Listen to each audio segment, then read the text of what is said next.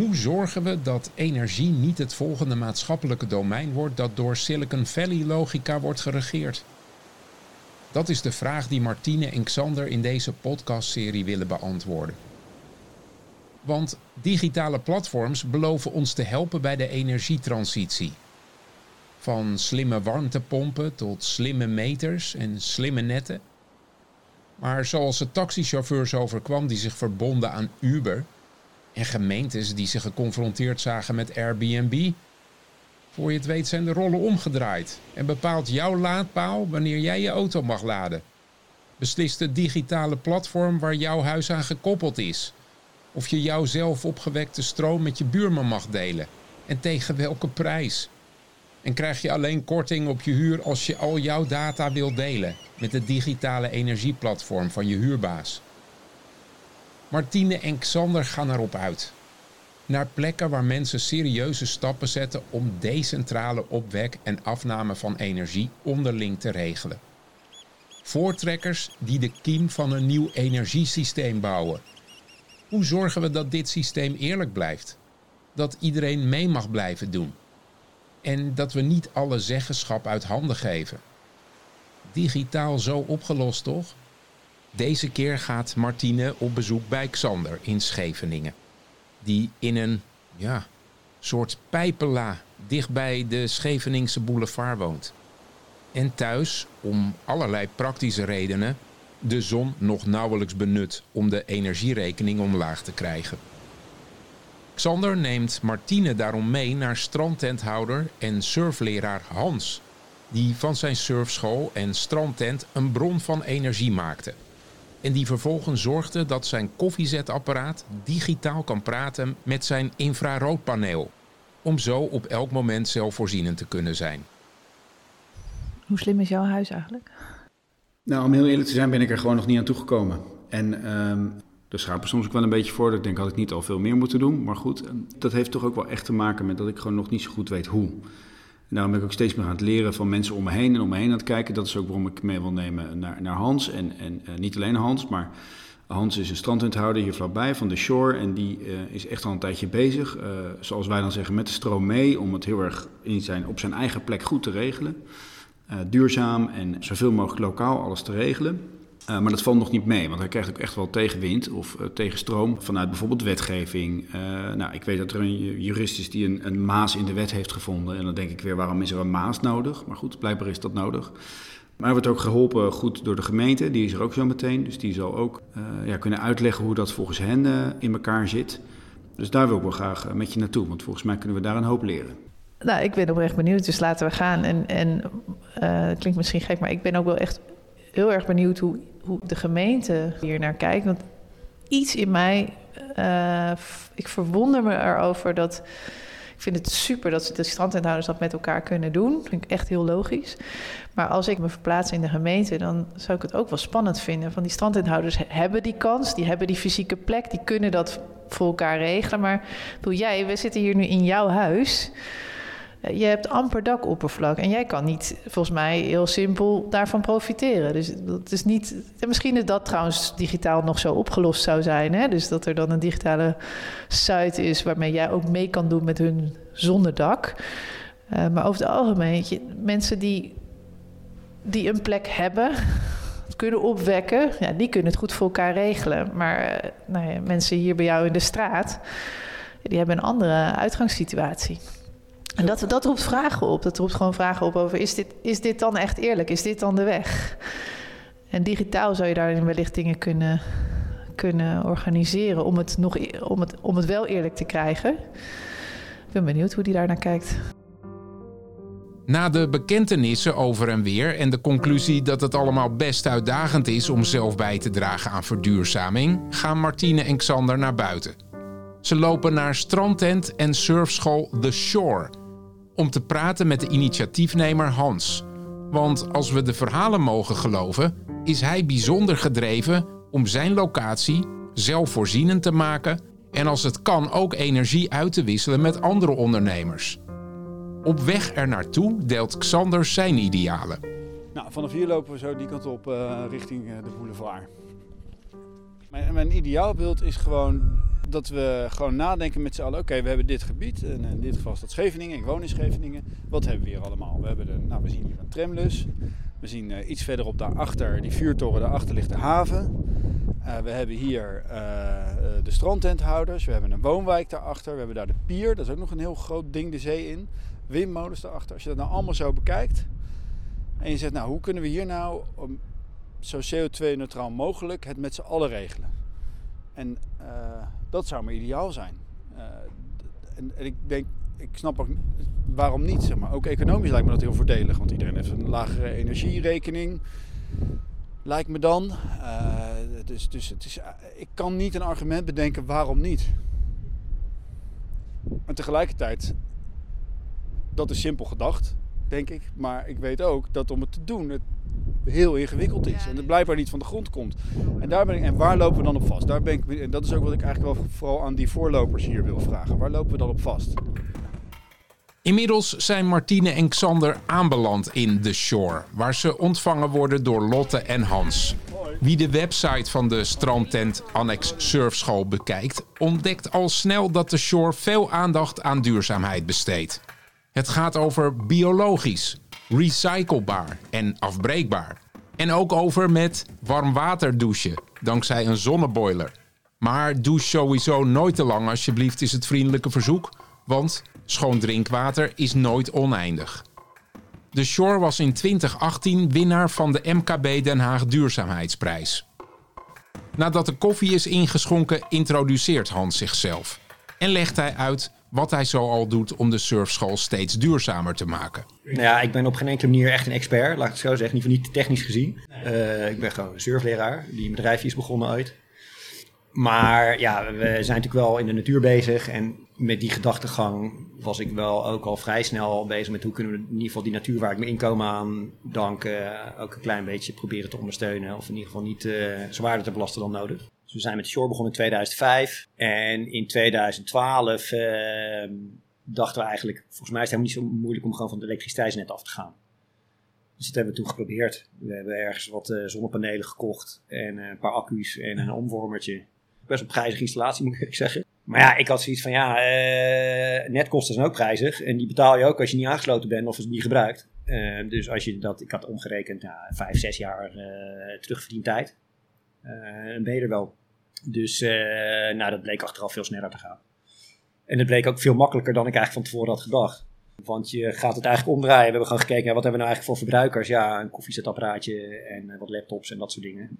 Dus dacht ja, zo moeilijk is het ook niet. Je kunt gaan omdraaien en gaan kijken hoe kunnen we onze verbruikers aanpassen aan wat we beschikbaar hebben. In plaats van uh, ja, maar eindeloos proberen van alles uit de net te trekken voor dingen die we misschien niet echt nodig hebben. Dat hebben we eerst met elektriciteit gedaan en later ook met, met water. Dus we hadden warm water nodig voor de douches. Nou, normaal doe je dat natuurlijk met gas verwarmen of met, uh, met elektriciteit. En wij dachten, ja, er zijn gewoon zonneboilers op de markt. Weet je, als je door Zuid-Europa rijdt, dan zie je op elk huis een soort witte cilinder op een dak liggen. Ik, waarom hebben we dat in Nederland niet? Nou, dat blijkt dan dat dat inderdaad alleen in zuidelijke landen kan waar het niet vriest. Maar ja, wij zijn een seizoensbedrijf, dus uh, we zijn niet open als het vriest.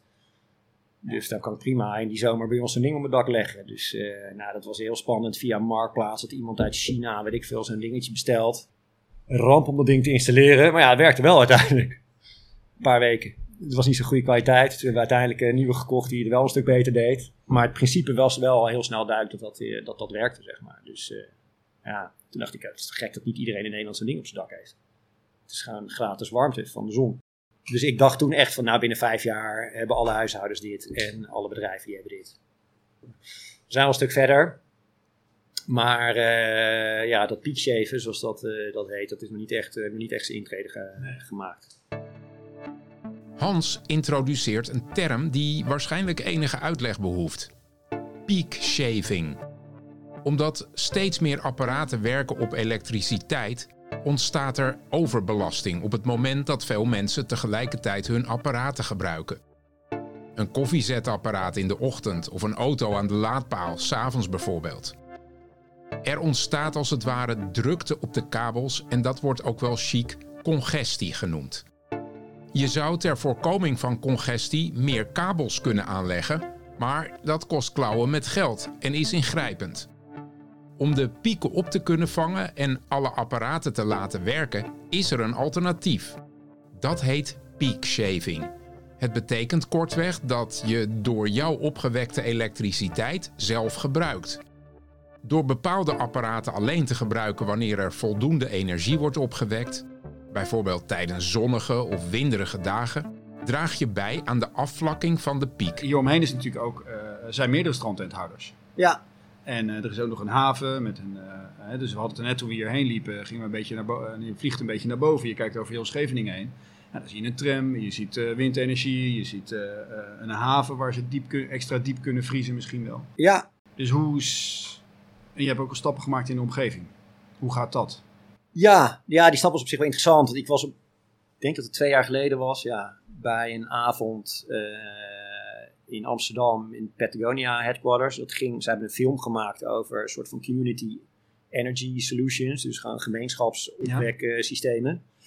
Uh, en uh, die avond was al voordat die film af was hoor. Maar ik was daar gewoon heel erg geïnspireerd wat er verder in Europa allemaal gebeurt. Met mensen die met hun buurt een energiecentraletje maken met zonnepanelen. En in coöperatieve vorm die stroom aan elkaar uh, uitruilen en anders verkopen aan het net. En parallel daaraan kwam eigenlijk de melding van de gemeente dat er um, een bedrag geld was overgebleven uit het zandspretiefonds. Dus de paviljoens die betalen pacht aan de gemeente. Een deel van die pacht wordt gereserveerd voor onderhoud aan het strand. Dat gebeurt meestal door zandspletie. Dus ze zuigen zand op uit de Noordzee. Dat leggen ze dan weer op het strand om het wat breder te maken. Maar um, ja, blijkbaar is dat minder vaak nodig geweest. Dus er was geld over. Uh, en daar moest een plan voor gemaakt worden om dat goed te besteden. Ja. Dus op die avond dacht ik eigenlijk, ja, misschien moeten we kijken of we dat in een energiecoöperatie kunnen gebruiken, dat geld. Dus gewoon kunnen investeren in zonne-energie. En uh, ja, dan heb je dus uh, 2,5 ton aan zonnepanelen. Die je ergens in op een dak legt. Want dat hoeft, binnen de, dat hoeft niet op het dak van de paviljoen. Dat is namelijk heel lastig, omdat de meeste paviljoens van het strand afgaan en weer opbouwen en weer afgaan en weer opbouwen. En dus ook niet allemaal dezelfde dakoppervlakte hebben en ook niet allemaal dezelfde ligging. Oh, dus dan gaat mijn simpele idee van het is toch logisch dat die standdingen gewoon vol liggen, gaat alweer de prullenbak in. Voor de gemeente Den Haag is de drive en de boerenslimheid van strandtenthouder Hans natuurlijk buitengewoon interessant. Hans wekt zelf energie op en weet het vervolgens zo te regelen voor zichzelf en zijn directe omgeving dat hij ook het energienet weinig belast. Ondernemers die zo'n verantwoordelijkheid aangaan, dragen bij aan de publieke zaak. Zowel als het gaat om halen van duurzaamheidsdoelstellingen als beperken van de belasting van het energienet. Maar de support van de gemeente voor de inspanning van Hans en andere strandtenthouders roept ook vragen op. Hoe eerlijk is het dat strandtenthouders met publiek geld ergens in de buurt van hun strandtenten op een publieke plek zoals een overdekt parkeerterrein zonne-energie kunnen opwekken waardoor hun energierekening omlaag gaat? Hoe verantwoordt de gemeente dat? Andere Scheveningers hebben niet op dezelfde manier de mogelijkheid om hun energierekening omlaag te brengen en zelfvoorzienend te worden. Een deel van het antwoord lijkt te liggen in het feit dat Den Haag vooral wil leren van de unieke situatie van de strandtenthouders door te experimenteren in het streven naar duurzame oplossingen. Ja, goedemiddag. Hey Ivo, welkom. Ivo Hunink is Smart Energy Coördinator bij de gemeente Den Haag. Hij is namens de gemeente betrokken bij het Living Lab, waar strandtent annex surfschool The Shore aan bijdraagt. Op de boulevard van Scheveningen test de gemeente slimme digitale uitvindingen. Die maken de stad klaar voor de toekomst en lossen maatschappelijke problemen op, zo staat op de site van de gemeente. Ivo vertelt wat het Living Lab inhoudt. We bevinden ons op dit moment in het Living Lab Scheveningen. Nou, dat is een gebied dat wij even op een kaart gewoon getekend hebben. Uh, met het uh, Smart City team van, uh, van de gemeente Den Haag. Inmiddels heet het Expertisecentrum Digitale Innovatie en Smart Cities. dat betekent dat we geen programma meer zijn, maar structureel organisatieonderdeel. en daar, doen, daar doen we een heleboel verschillende dingen. Dus glasvezel, infrastructuur in, in, de grond aanleggen. Daarbovenop toepassingen doen. en um, er is op, op een gegeven moment de keuze gemaakt om ja, eigenlijk te gaan innoveren op het uh, laagspanningsnet. Uh, en dat betekent dat we een soort van afscheiding van het, uh, het stedennet gemaakt hebben in de vorm van een, een transformator of een compact station, zoals we het ook wel eens noemen. Dus eigenlijk um, ja, waar, de, waar de, de spanning van, van het middenspanningsnet van steden omgezet wordt naar laagspanning, hebben wij onze eigen transformator laten ontwerpen en, en bouwen. Nou, transformators die staan uh, wel ja, overal in de stad, zeg maar. Je kunt het uh, op de open datakaart van steden kun je dat ook zien waar die allemaal staan. Er zijn best wel veel. Die van ons is wel een beetje een speciaal, ik zou niet zeggen uniek. maar is wel ontworpen en gebouwd met het idee van het lokaal balanceren van energie in gedachten. En dus ook de belasting op het net van steden eigenlijk naar beneden te krijgen. dus dat je eigenlijk meer capaciteit kwijt kan lokaal. Uh, zodat gebruikers als, eh, als Hans uh, of, of, of ook gemeentelijke panden die hier in het gebied staan um, aangesloten kunnen worden, kunnen groeien in hun elektriciteitsbehoeften en, en, en, voorziening. Um, en het idee is dat je daarmee beter duurzame energie kan integreren in je bestaande netwerk. dat, is, dat is het uiteindelijke idee. Inmiddels komen er ook nieuwe voordelen naar boven. bijvoorbeeld duurzame lokale energie. Dus het, lokaal gebruiken van je, van je opgewekte energie en het slim aan elkaar koppelen. Dus daar hoort ook een stuk ICT bij. Dus, uh, dus we hebben een hele ja, we hebben een fysieke architectuur, maar ook een, een digitale architectuur uh, daaraan. Maar we zien nu bijvoorbeeld ook dat er mensen bij ons aankloppen die zeggen: Nou, ik heb me bij steden gemeld voor een nieuwe aansluiting, maar ik moest nog een jaar wachten. En ik, ik hoorde dat jullie wel misschien kunnen. Ja, dus dus dat is, dat is ook een interessant nieuw probleem wat we lijken te kunnen oplossen, maar is wel hyperlokaal. Ik weet niet of we dat uh, voor de hele stad uh, kunnen doen. Het, het origineel, uh, originele idee wat we daarbij hadden is om een, een, grote gevarieerde groep van gebruikers daarop aan te sluiten en dat lokale energiemanagement doen. Het, het, strand is daar ook een interessante plek voor, omdat juist de piek van het gebruik in de zomer is, op het moment dat er juist heel veel energie opgewekt wordt.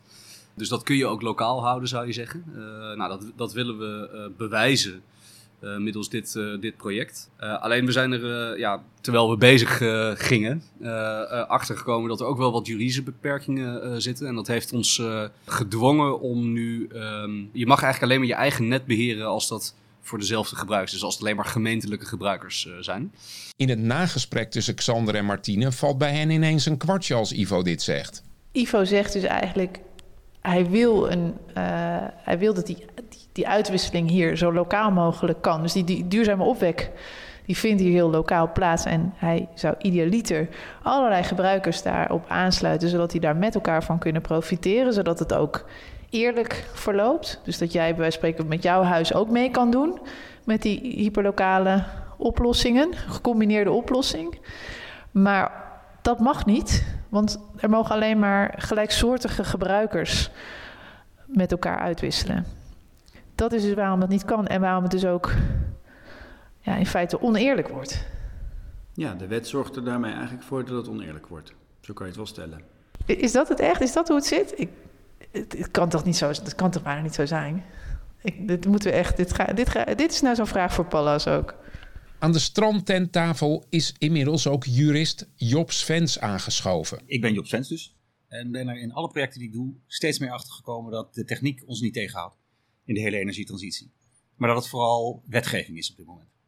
Techniek, uh, nou ze zijn hier bezig met uh, nou, onder andere een bedrijf, ik weet niet of het bedrijf mag noemen, maar Spectral loopt heel erg vooraan in het uh, zeg maar op elkaar afstemmen van vraag en aanbod en het automatiseren van uh, de samenwerking van duurzame energie en energiebesparing enzovoort. Maar dat kan allemaal niet wettelijk. Dus de techniek loopt vijf, tien jaar voor, denk ik, op wat wij nu wettelijk mogelijk maken met de huidige wetgeving. Het grote probleem van de energietransitie in mijn ogen is dat we nu krijgen en heel veel lokale opwek. En die komt altijd op het moment dat of de zon schijnt of de wind waait. Maar niet per definitie op het moment dat je het nodig hebt. En er komt veel meer vraag naar elektriciteit. Want we gaan elektrisch verwarmen en we gaan elektrisch rijden. Dus de belasting van het net wordt steeds groter. De netbeheerders kunnen dat niet aan. Die hebben nu uh, looptijden van 5 tot 10 jaar om bepaalde gebieden de netten te kunnen verzwaren. Zodat we daar zonnestroom kunnen opwekken. Uh, of uh, elektrisch vervoer kunnen realiseren. Of warmtepompen kunnen installeren.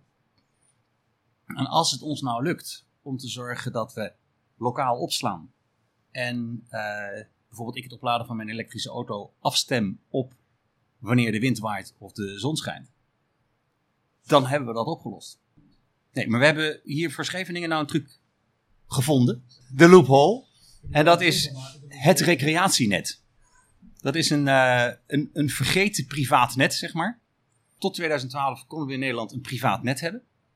Waarbij je gewoon met een aantal partijen afspreekt. Dit is ons eigen net, wij beheren het zelf. Dat is in 2012 uit de wet gehaald. Maar er was één probleem met alle recreatiegebieden. Want die netten die voldeden helemaal niet aan wat de netbeheerder wou. Is ook gezegd, oké, er is een uitzondering dan uh, als het een niet voor permanent verblijf is. En als het aangegeven is dat het expliciet voor recreatieve doeleinden is.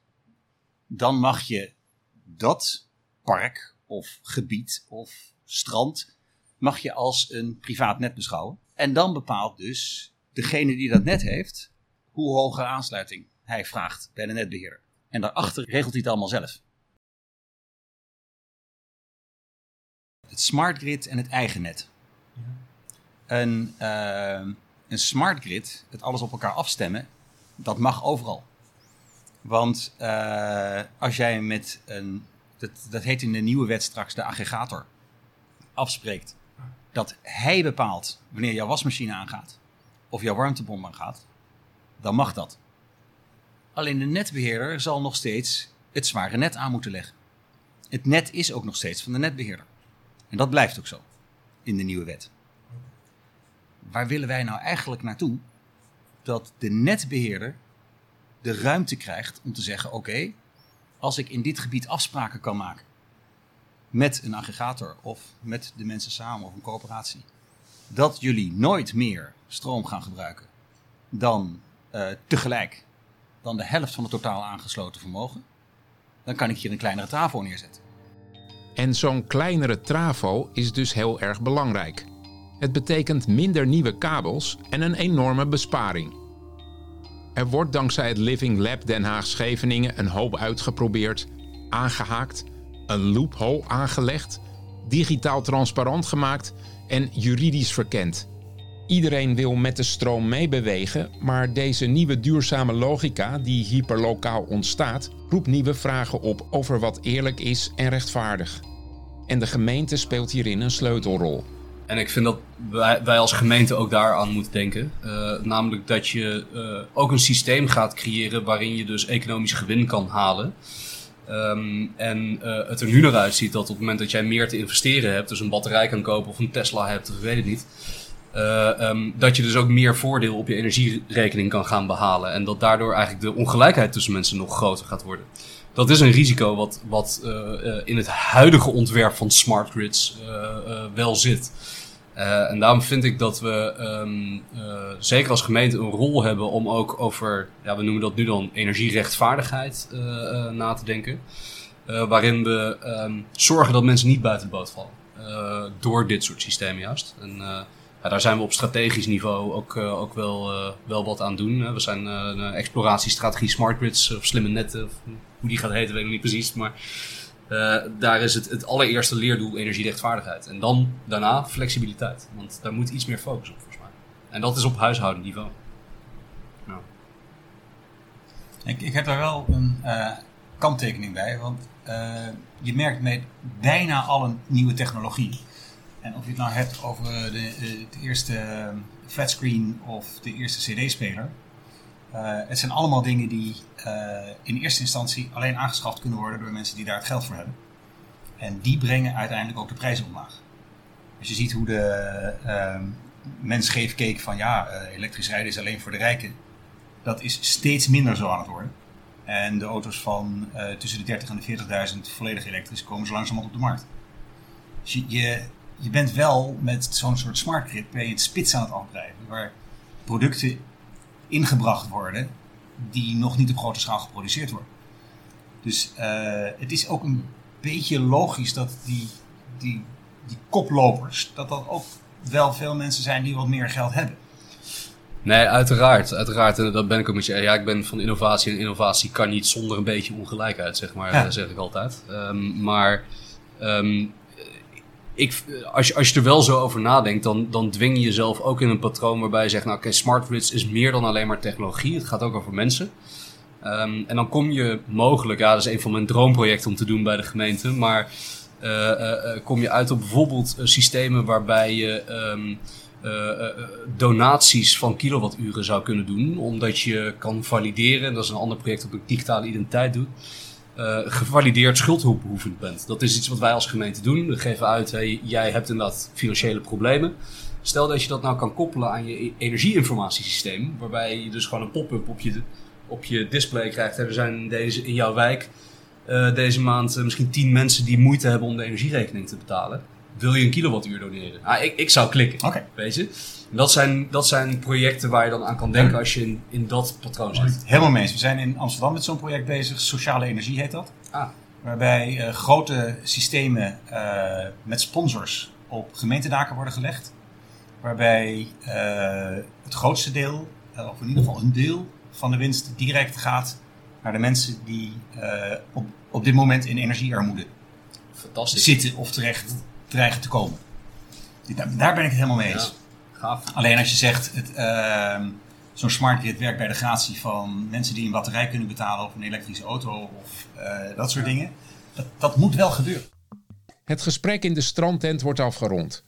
Xander en Martine hebben bij Xander thuis nog een afspraak. Met Edwin Edelenbos van Netbeheer Nederland. Mijn naam is Edwin Edelenbos. Ik werk voor Netbeheer Nederland. Stratege en verkenner van de branchevereniging. Netbeheer Nederland eh, is de branchevereniging van de elektriciteits- en gasbeheerders in Nederland. Uh, dus uh, wij beheren ja, de elektriciteitsvoorziening en de gasvoorziening. En in de toekomst wellicht ook warmte en activiteiten op, op andere energiedragers voor, de, voor de infrastructuur. We zijn nog maar net begonnen met de energietransitie. Zeker op het gebied van elektriciteit. Er gaat een enorme elektrificatie op ons afkomen. En dat tempo gaat harder dan dat we op sommige plekken met de netten kunnen bijhouden qua uitbreiding. Dus kom je uit op de vraag: oké, wat is het alternatief? Dus één, hoe kunnen we persen uit die netten wat erin zit? Hoe kunnen we het net zo optimaal mogelijk gebruiken?